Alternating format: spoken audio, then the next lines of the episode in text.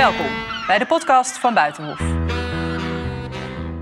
Een museum is een beeldenpaleis, maar ook een soort eh, parlement van ideeën. Fictie, dat verhalen vertellen, dat is eigenlijk een soort flight simulator voor de realiteit. En ik denk sowieso dat Nederland altijd meer een land is van actie en investeringen en daden en minder van grote woorden. Museumdirecteur Anne de Meester vertrekt naar het grootste museum van Zwitserland. Het Kunsthaus in Zurich. Een enorm prestigieuze plek met werken van Monet, Cézanne en Van Gogh. Maar ook een plek waar een levendig debat plaatsvindt over de herkomst van die werken. En hoe moet je daar als museum mee omgaan? En hoe kijkt de van oorsprong Belgische terug op haar tijd in Nederland en onze omgang met kunst en cultuur? Hier aan tafel Anne de Meester. Anne, welkom.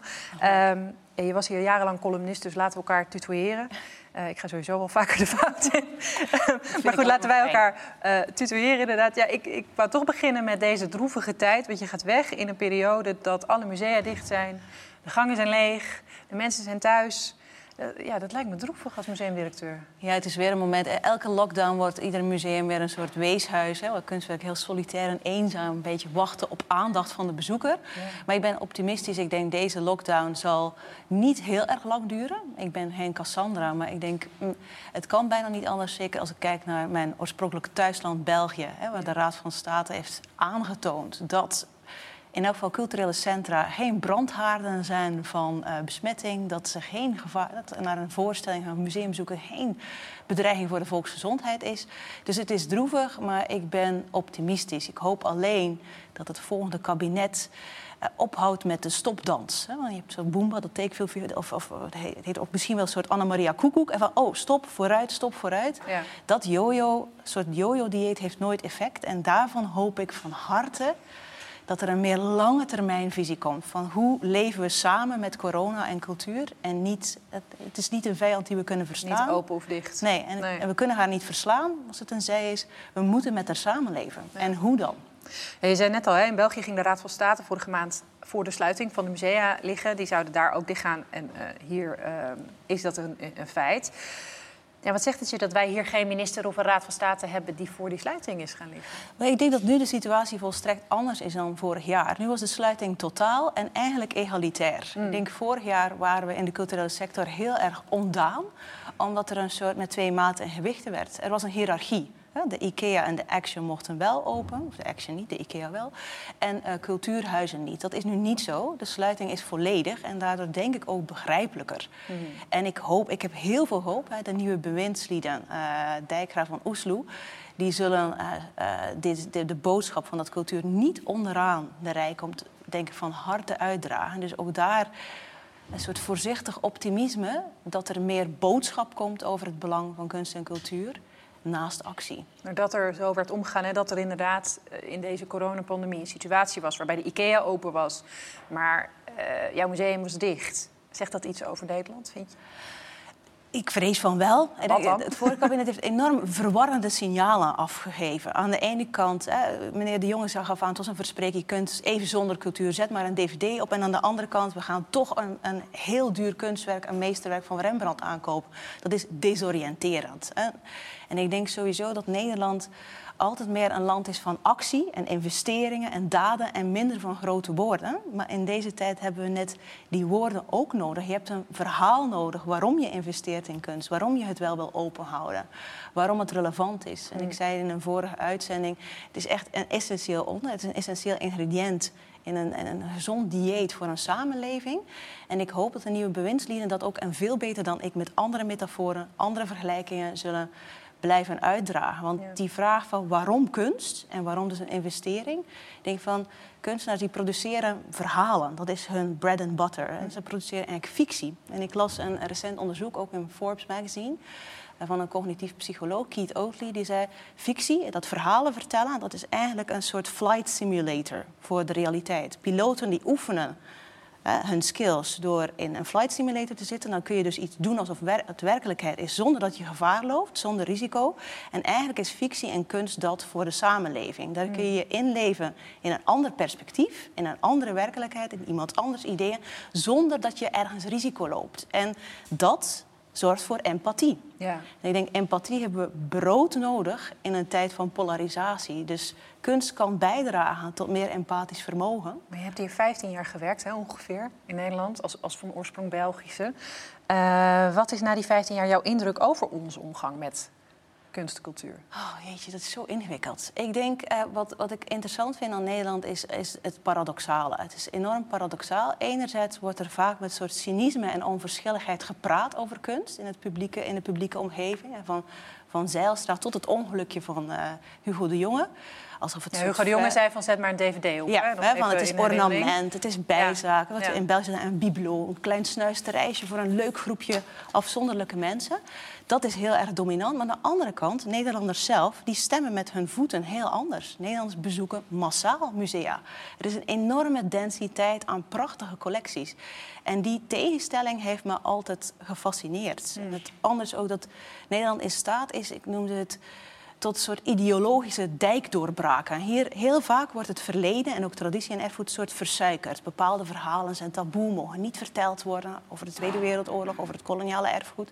En plotseling verandert alles. Nederland kan heel snel een maatschappelijke omwenteling in.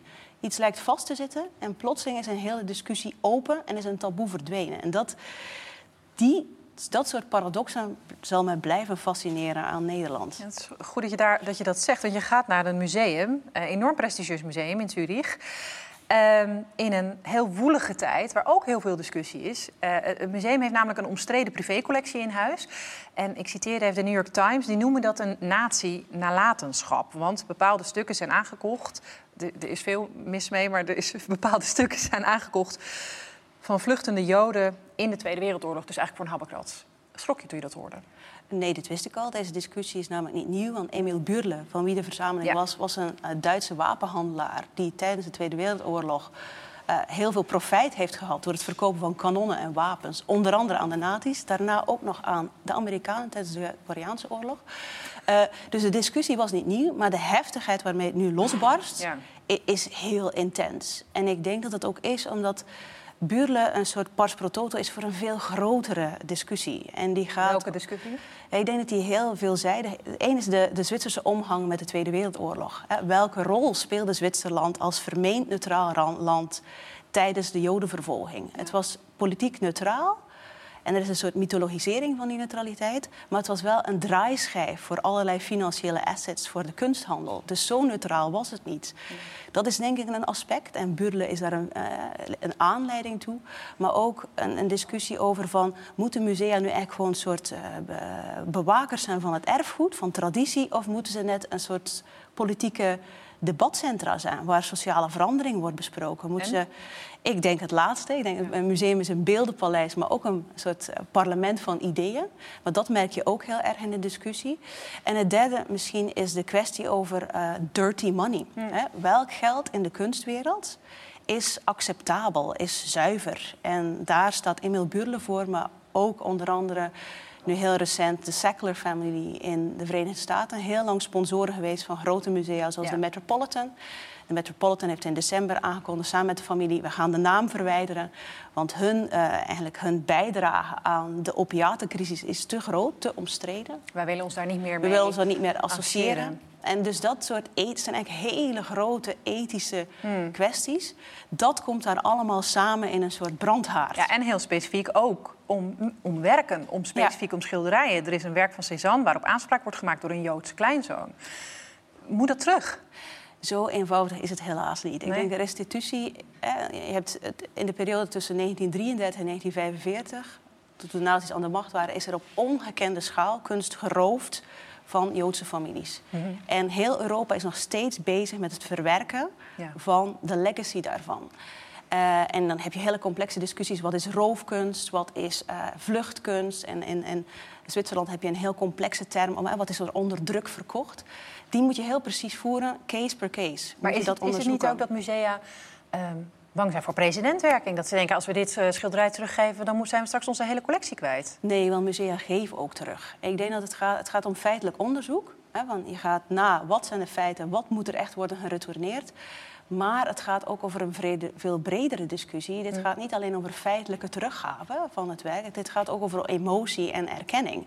Van dat je het leed dat families is aangedaan erkent. Dat je dat onder ogen ziet. Dat je niet keel bureaucratisch zegt... oké, dit werk krijg je terug, dit niet. Dit is wel van jou, dit is niet van jou. Maar inzien dat dit, een, een, een, dat dit ook nooit ten einde is. Nederland is er al mee bezig met restitutie sinds 1997 met het eerste onderzoek van de commissie Eckhart. In Zwitserland zijn ze er relatief laat mee, mhm. maar het debat zal moeten doorgaan. Het is een heel lang proces en er moet met openheid en kwetsbaarheid worden benaderd. Ja, maar jij hebt het wel over onderzoek, hè? dat er onderzoek gedaan moet worden. Maar de eigenaar van de collectie van het museum waar je naartoe gaat, die zegt: Ik wil niet meer onderzoek. Als er meer onderzoek komt, dan trek ik misschien al mijn stukken wel terug. ja, dat is ondertussen kwijt. Ja, dat was een dreigement van de Stichting Burle. Ondertussen zijn ze daarop teruggekomen. En dit is een heel moeilijke... Eh, je hebt provenance-onderzoek naar oorsprong van werken. En dat hebben zij zelf gedaan. En nu moet er een second opinion komen. En zij zien ook in, dat is inderdaad noodzakelijk. Je moet dat laten uh, onderzoeken of het wel onpartijdig was.